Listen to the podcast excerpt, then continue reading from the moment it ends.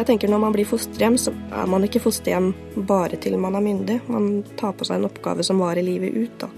Så jeg savner eh, den kontakten som jeg hadde med det gode fosterhjemmet. Det savner jeg også i ettertid. Det å være en del av en familie. Det sier Jeanette Nicolaisen, som er vokst opp i ulike fosterhjem. Mellom himmel og jord med Miriam Wiklund.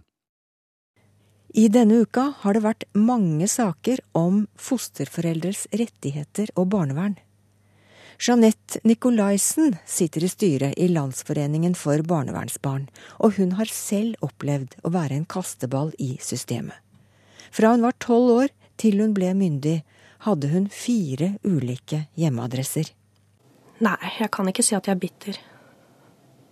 Det er jo Ja, man må jo på en måte ta et valg og tenke at jeg vil ta med meg det gode videre, og så vil jeg bruke de ressursene jeg har til å gjøre det bra for andre. Jeanette Nicolaisen har hatt ei turbulent ungdomstid. Ei tid hvor adressene har skifta raskt, ei tid som har satt sine spor. I dag er hun 30 år og tar en bachelorgrad i barnevern, og hun har store drømmer om framtida. Jeg håper eh, jeg håper at f.eks. fosterhjem kan få tett oppfølging. At eh, man må forstå at det er eh, når barna flytta inn i fosterhjem at arbeidet begynner. Da tror jeg at vi får varige plasseringer. Samtidig er det viktig å lytte til fosterforeldre. Det så vi jo på Brennpunkt her. Hvert år trenger 1000 barn et nytt hjem. Men får fosterforeldre nok hjelp? Vår intensjon var jo at hun kunne vokse opp her til hun fylte 18 og flytta hjemmefra. Og så blir alt helt snudd på hodet. Finnes det noe viktigere enn å ta vare på et barn som trenger omsorg? I Brennpunkt fortalte to par fosterforeldre sin historie. Ei historie om få rettigheter og et barnevern med altfor mange arbeidsoppgaver og barn som aldri har hatt et stabilt hjem. Jeanette er en av dem. Hun har opplevd lykken med å finne en familie som passer, men fosterforeldre som ga opp. Med rotløshet, usikkerhet, um, og at jeg egentlig var litt usynlig i systemet, som skulle handle om meg. Da hun var seks år og skulle begynne på skolen, forsto hun at hennes familie var annerledes. Som tolvåring gikk hun sjøl til barnevernet. Hun ville flytte fra sitt eget hjem og bort fra sine biologiske foreldre. Fram til hun ble myndig hadde hun vært en del av fire ulike familier og bodd på to institusjoner. Jeg kanskje flytta litt for seint. Eh, derfor så ble det veldig vanskelig for meg eh, å bo i fosterhjem. For jeg hadde vanskeligheter med å tilpasse meg eh, i et nytt hjem i normale normer, da. Hadde vanskelig for å klare å bo, egentlig. Da Jeanette ble 15 år, kom hun til en familie, et hjem, hvor den rotløse tenåringen passa inn. Um, og der tenker jeg at det fungerte bra, fordi at jeg hadde noen eh, å passe på. At jeg hadde småsøsken som jeg måtte ta hensyn til. At jeg kunne se på de og klarte å utvikle meg i forhold til å lære av de, da, rett og slett. Livet til Jeanette begynner å ta form. Hun føler for første gang at hun er en del av en familie. Hun eldste jenta alltid hadde ønska seg en storesøster, noe som var litt vanskelig å tilfredsstille, med mindre man da ble fosterhjem, da. Um, og så husker jeg det var vel første natta som jeg hadde sovet der, så ringte det på døra.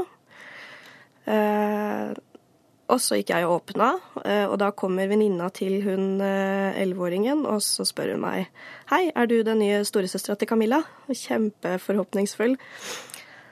Da, da, husker jeg at jeg fikk helt sjokk, og samtidig så følte jeg Det var veldig varmt, et veldig varmt og godt spørsmål, for det gjorde at jeg følte meg eh, inkludert i familien da, fra første dag.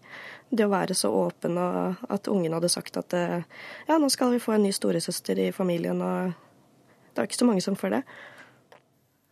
Men så skjer det igjen. Hun må flytte.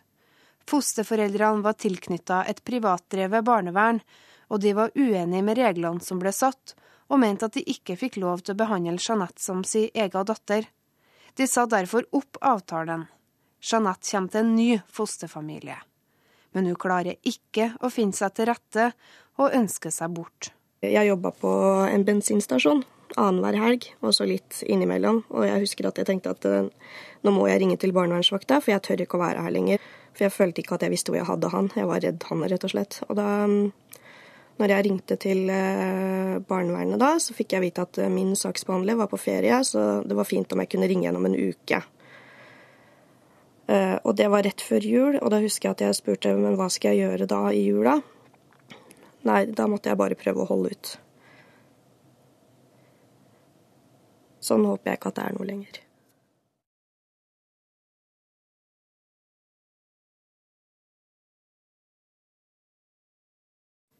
Den jula feires hjemme hos hennes biologiske mor.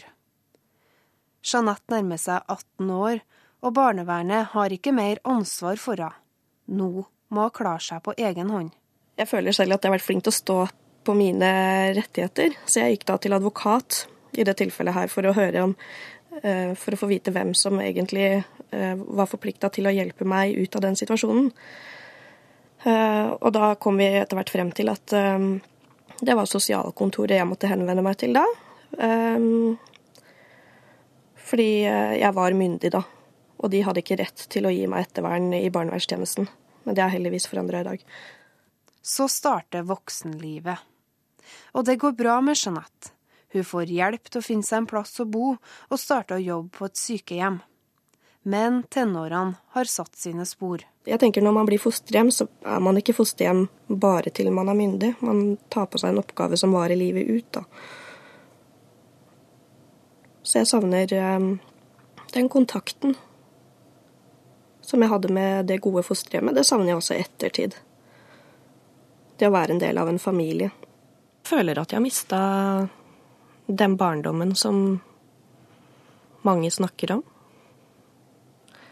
som varm. I dag bor Jeanette på en gård sammen med sin datter og en samboer. Hun skal snart ut i arbeidslivet, og det blir sannsynligvis i barnevernet. Jeanette vil hjelpe andre å jobbe for bedre omsorg for barn som opplever det hun gjorde. Så lenge jeg kan få bruke mine erfaringer til eh, noe konstruktivt og fint, så tenker jeg at eh, det er det viktigste for meg. Da håper jeg jo at jeg jobber innenfor det feltet her, da. Det er jo mitt store ønske. Jeg håper at uh, jeg har fått lov til å være med og bidra til å gjøre noen ting bedre. At jeg har klart å hjelpe noen barn, i hvert fall.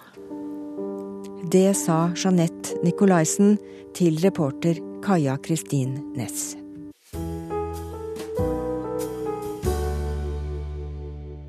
Når jeg tenker at når jeg er i himmelen, så ser jeg for meg kanskje en fantastisk pudderdag på ski. Og så kjører jeg ned igjen og, har det så kjekt med sammen med kameratene mine. Det ser jeg for meg at da, da er jeg i himmelen. Zack er en av dagens paneldeltakere. Du får høre hva han og de to andre tenker om himmel om litt. Redselen for skjærsilden gjorde at mange rike mennesker kjøpte seg gravplass inni Nidarosdomen fra 1600-tallet og utover.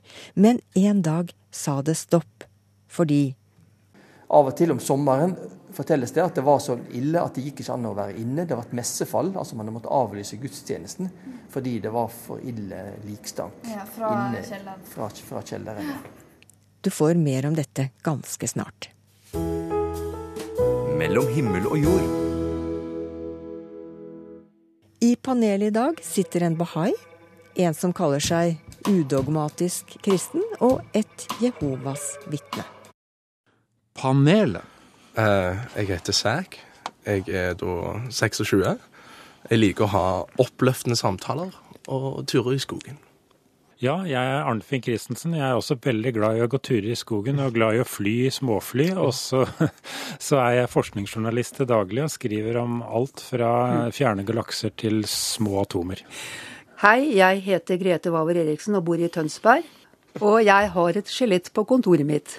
Jeg jobber som naturmedisiner med ortomolekylær medisin, og det er en veldig spennende og interessant jobb. Ordet i dag er himmel. Når jeg tenker at når jeg er i himmel, så ser jeg for meg kanskje en fantastisk pudderdag på ski. Og så kjører jeg ned igjen og, og har det så kjekt med sammen med kameratene mine. Det ser jeg for meg at da, da er jeg i himmelen. Akkurat. Hvis jeg skal få lov å si hva jeg tror på, da. Jeg tror jo på Bibelen, og i Bibelen så kan vi lese at himmelen det er Gud og englenes bolig. Men jorda er skapt i bolig for oss mennesker, står det da. Mm -hmm. Så Men du kan ha noen himmelske opplevelser på jorda, Grete, eller? Ja, man kan jo føle seg veldig lykkelig innimellom, da. At man kan Men ja, det står jo i Bibelen at det er faktisk en gruppe mennesker som skal til himmelen, da. Mm. Og, og, det står jo om disse i åpenbaringen. Og der står det at det er 144 000, og de blir omtalt som den lille jord. Og så har vi den store skare da, som skal bo på jorden. Ja. Og disse 144 000 de skal herske som prester og konger over jorden, står det. Og da må det jo nødvendigvis bo noen der når Bibelen sier at de skal herske over de som bor på jorden. Men hvem av oss er det som skal dit, da, tror du? Av oss fire? Ja, det er heldigvis ikke opp til oss mennesker å bedømme. Det er det Gud som avgjør. Det står jo at eh, menneskene skal bli delt i to klasser da, i endetiden som vi lever i nå. Og Jesus snakker om sauelignende mennesker og geitelignende mennesker. Så det er det jo kun Gud som kan dømme hvem som tilhører hvor. Føler du deg mest sau, eller føler du deg mest geit? Eh, jeg føler meg som en sau. Jeg prøver å leve etter Bibelens normer og holde meg til den, og tror på det som står der. Enn du, Arnfinn? Mest sau eller mest geit? Det er nok mest geit, dessverre. ja. Nei da, men geit er et trivelig dyr. Men eh, himmel, ja.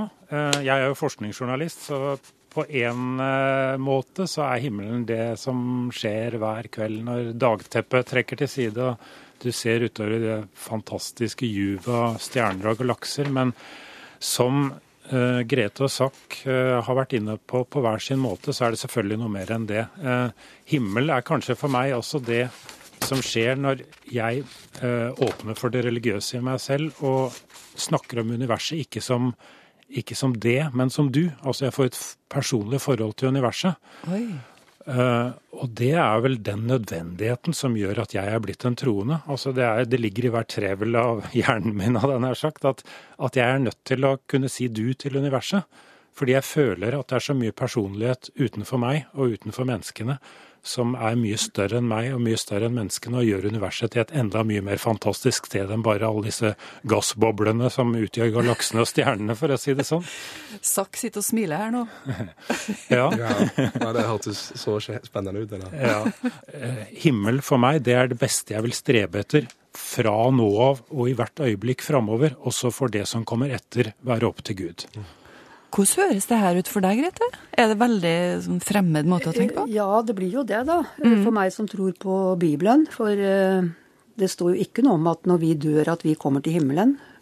Så, men vi er jo da i Guds minne. Uh, han kan gjenskape oss da på den nye jord da, som han skal, uh, skal gjenopprette. Under fullkomne forhold. Hvor menneskene da skal leve uten sykdommer og alle de ufullkommenhetene som vi hadde da vi døde. Men eh, det snakkes jo veldig mye om at uten sorgen så finnes ikke gleden. Uten smerten så finnes ikke eh, det fullkomne, liksom. Hva tenker du om det? Nei, det er vel en sånn fattigmannstrøst, tenker jeg. Ok. Ja. Det er litt luretriks. ja. ja. Da får, ja, jeg, får jeg presentere meg som fattigmann. altså jeg er nok, eh, for å si det sånn, jeg har ikke noen lengsel etter den fullkomne harmoni. Jeg er nok litt mer atonal av meg på den måten der. Ja. Jeg syns at mye av det mest spennende ligger i, i, spenningsfeltet mellom orden og kaos, mellom harmoni og disharmoni og støy, for å si det sånn. Mm. for alle ønsker seg jo det. Alle ønsker at det skal bli fred på jorda. Men når du ser på hva disse menneskelige regjeringen har fått til. De, har, de klarer ja, det jo ikke. Da vil, jeg, jo... da vil, jeg, sitere Ibsen. Fred er ei det beste, men at man noget vil. Det er ikke, altså En sånn slapp fred, som er en statisk tilstand, det er nesten for meg nærmere en helvetesvisjon, for å si det sånn. Det vil bli verdens kjedeligste sted. Hvor plasserer du deg, Sakker? Eh, jeg tenker på den, på den neste verden, når vi snakker om den, så er det som om at den verden den kommer til å være like forskjellig for oss som når vi er inne i magen til mor, og så når vi kommer ut inn i denne verden. At plutselig så blir det wow, det her var jeg ikke klar over. Det var derfor jeg trengte øyne, det var Mm. derfor jeg trengte armer, det var derfor jeg trengte bein. Og så når vi er i denne verden, så kan vi liksom utvikle disse kapasitetene, eller disse kvalitetene våre, som gjør at vi er da um, Eller våre, rett og slett våre åndelige kapasiteter, som kjærlighet, rettferdighet um, Alle disse dynene som er betydelige for våre åndelige kvaliteter. Og disse trenger vi i den neste verden. Veldig flott bilde, altså. Men Så- så du- kan jeg få spørre om en ting da? Mhm. Så du tror altså på at det skal komme en ny verden? Ja, men, det- men jeg- hvor tror du den skal være? Jeg, de- den, den vet jeg ikke hvor er, rett og slett. Men jeg tror på at det, det er neste verden. Og der håper du på at alt skal bli i harmoni? Jeg tror ting vil bli klargjort for oss.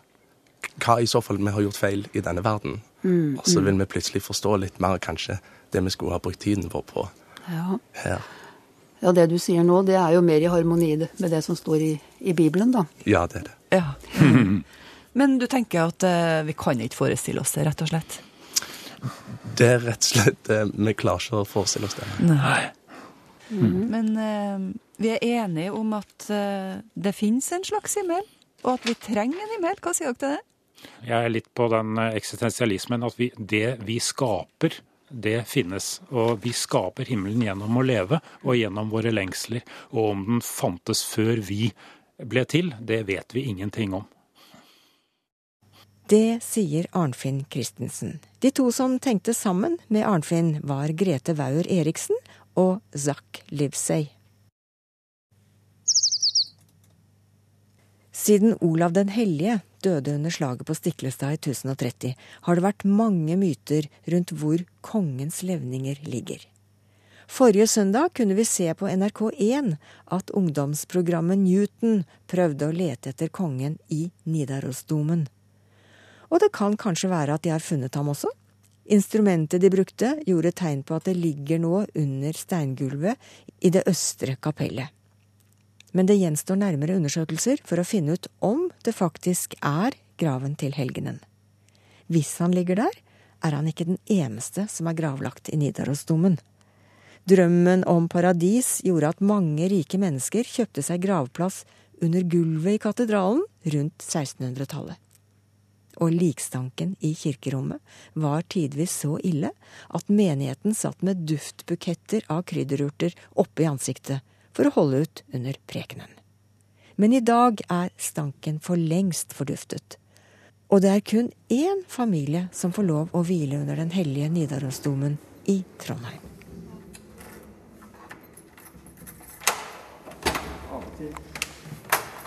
Ja, da er vi altså på eh, Nidarosdommen, og eh, vi har beveget oss eh, nedover.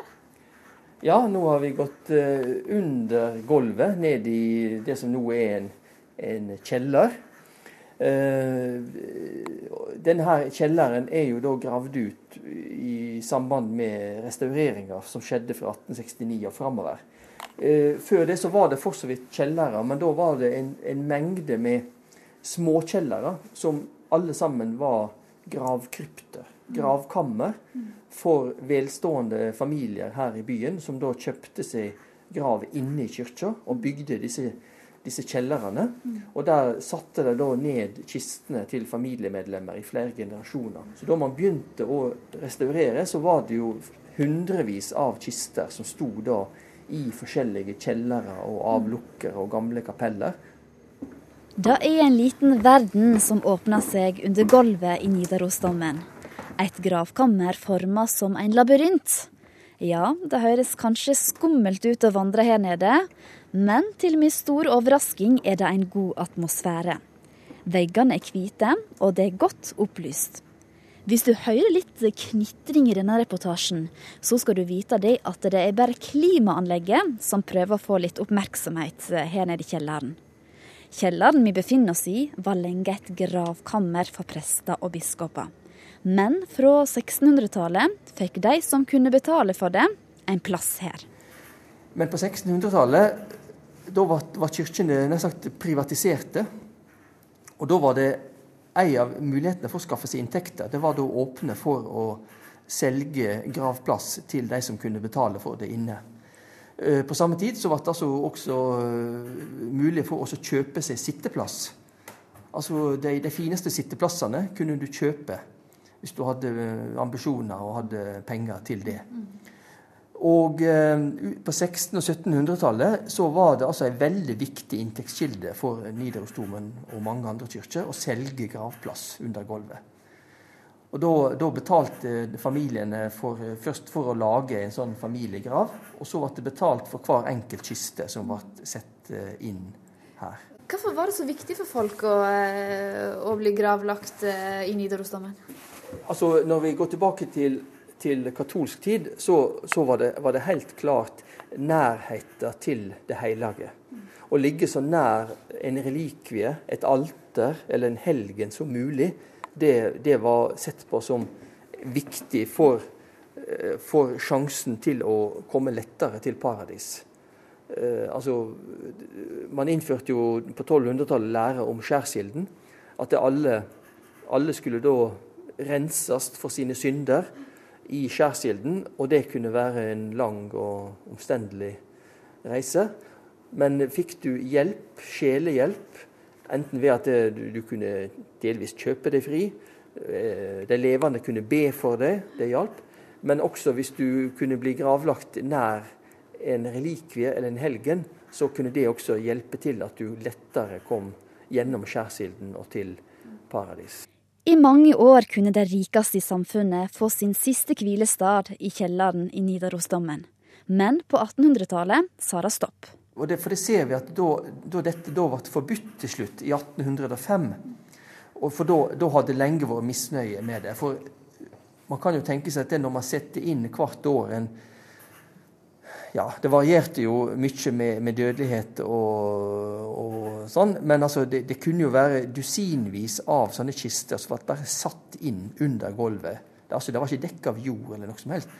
Og det, det var ofte lukt. Fæl lukt.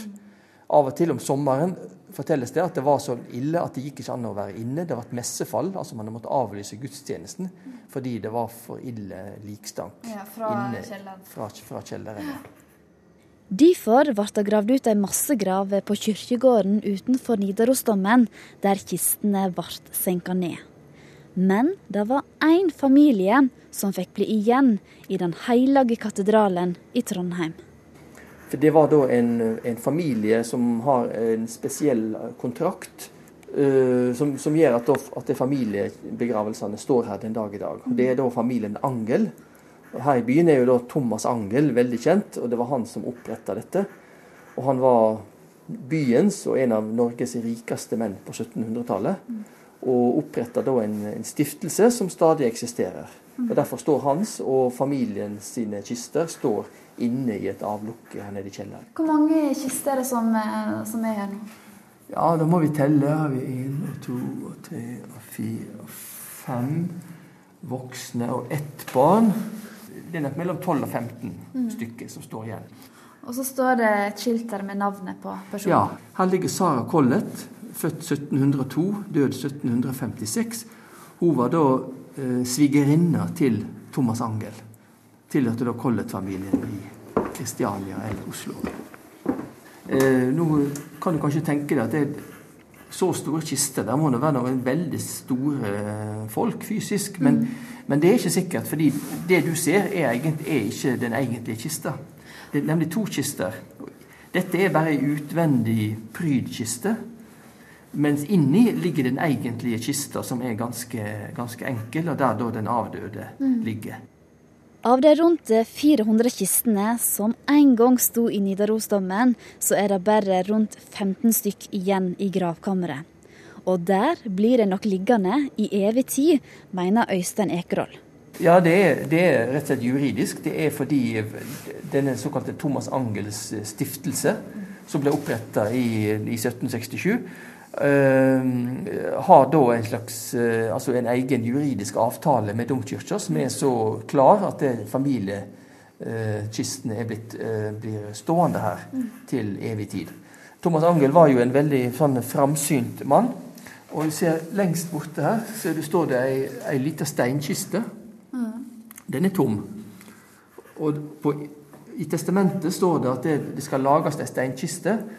Og når en gang i framtida at det familiene sine kister, dette er jo tre kister, skal gå i oppløsning, og det er bare, bare beina igjen, så skal altså beina til familiemedlemmene samles i den steinkista der. Og inngravert på lokket står det da 'Forfedrenes ben helliget'. Men den er nå godt over 200 år gammel, og den er tom ennå. Så det vil nok ta ganske mange hundre år før den blir tatt i bruk. Men den står klar. Ja, for det er fortsatt intakt, det som ligger? Ja. Ja, ingen av disse kistene er åpna, men ut ifra de andre kistene som da ble tatt ut og ble undersøkt, så, så kan vi regne med at her ligger, her ligger det avdøde altså naturlig mumifisert. Men tror du at en gang i framtiden at de kommer til å åpne det og sjekke hvordan eh, det går? og så Hvis det har da blitt beinrester eh, som ligger igjen, så tar en det oppi den eh, steinkista? Ja, Da må nå selve kistene gå i oppløsning, og det er jo liten sjanse for at det skjer på de første 200-300 åra. Ja, så det blir nok liggende sånn en stund? Iallfall i min tid. Det kunne arkeolog ved Nidarosdomens restaureringsarbeider Øystein Ekroll fortelle til reporter Camilla Kjønn Tingvoll. Nå som alltid kan du høre oss om igjen på NRKs nettspiller radio.nrk.no, eller du kan få med deg reprisen på vår digitale kanal P1 Pluss i kveld klokka 21.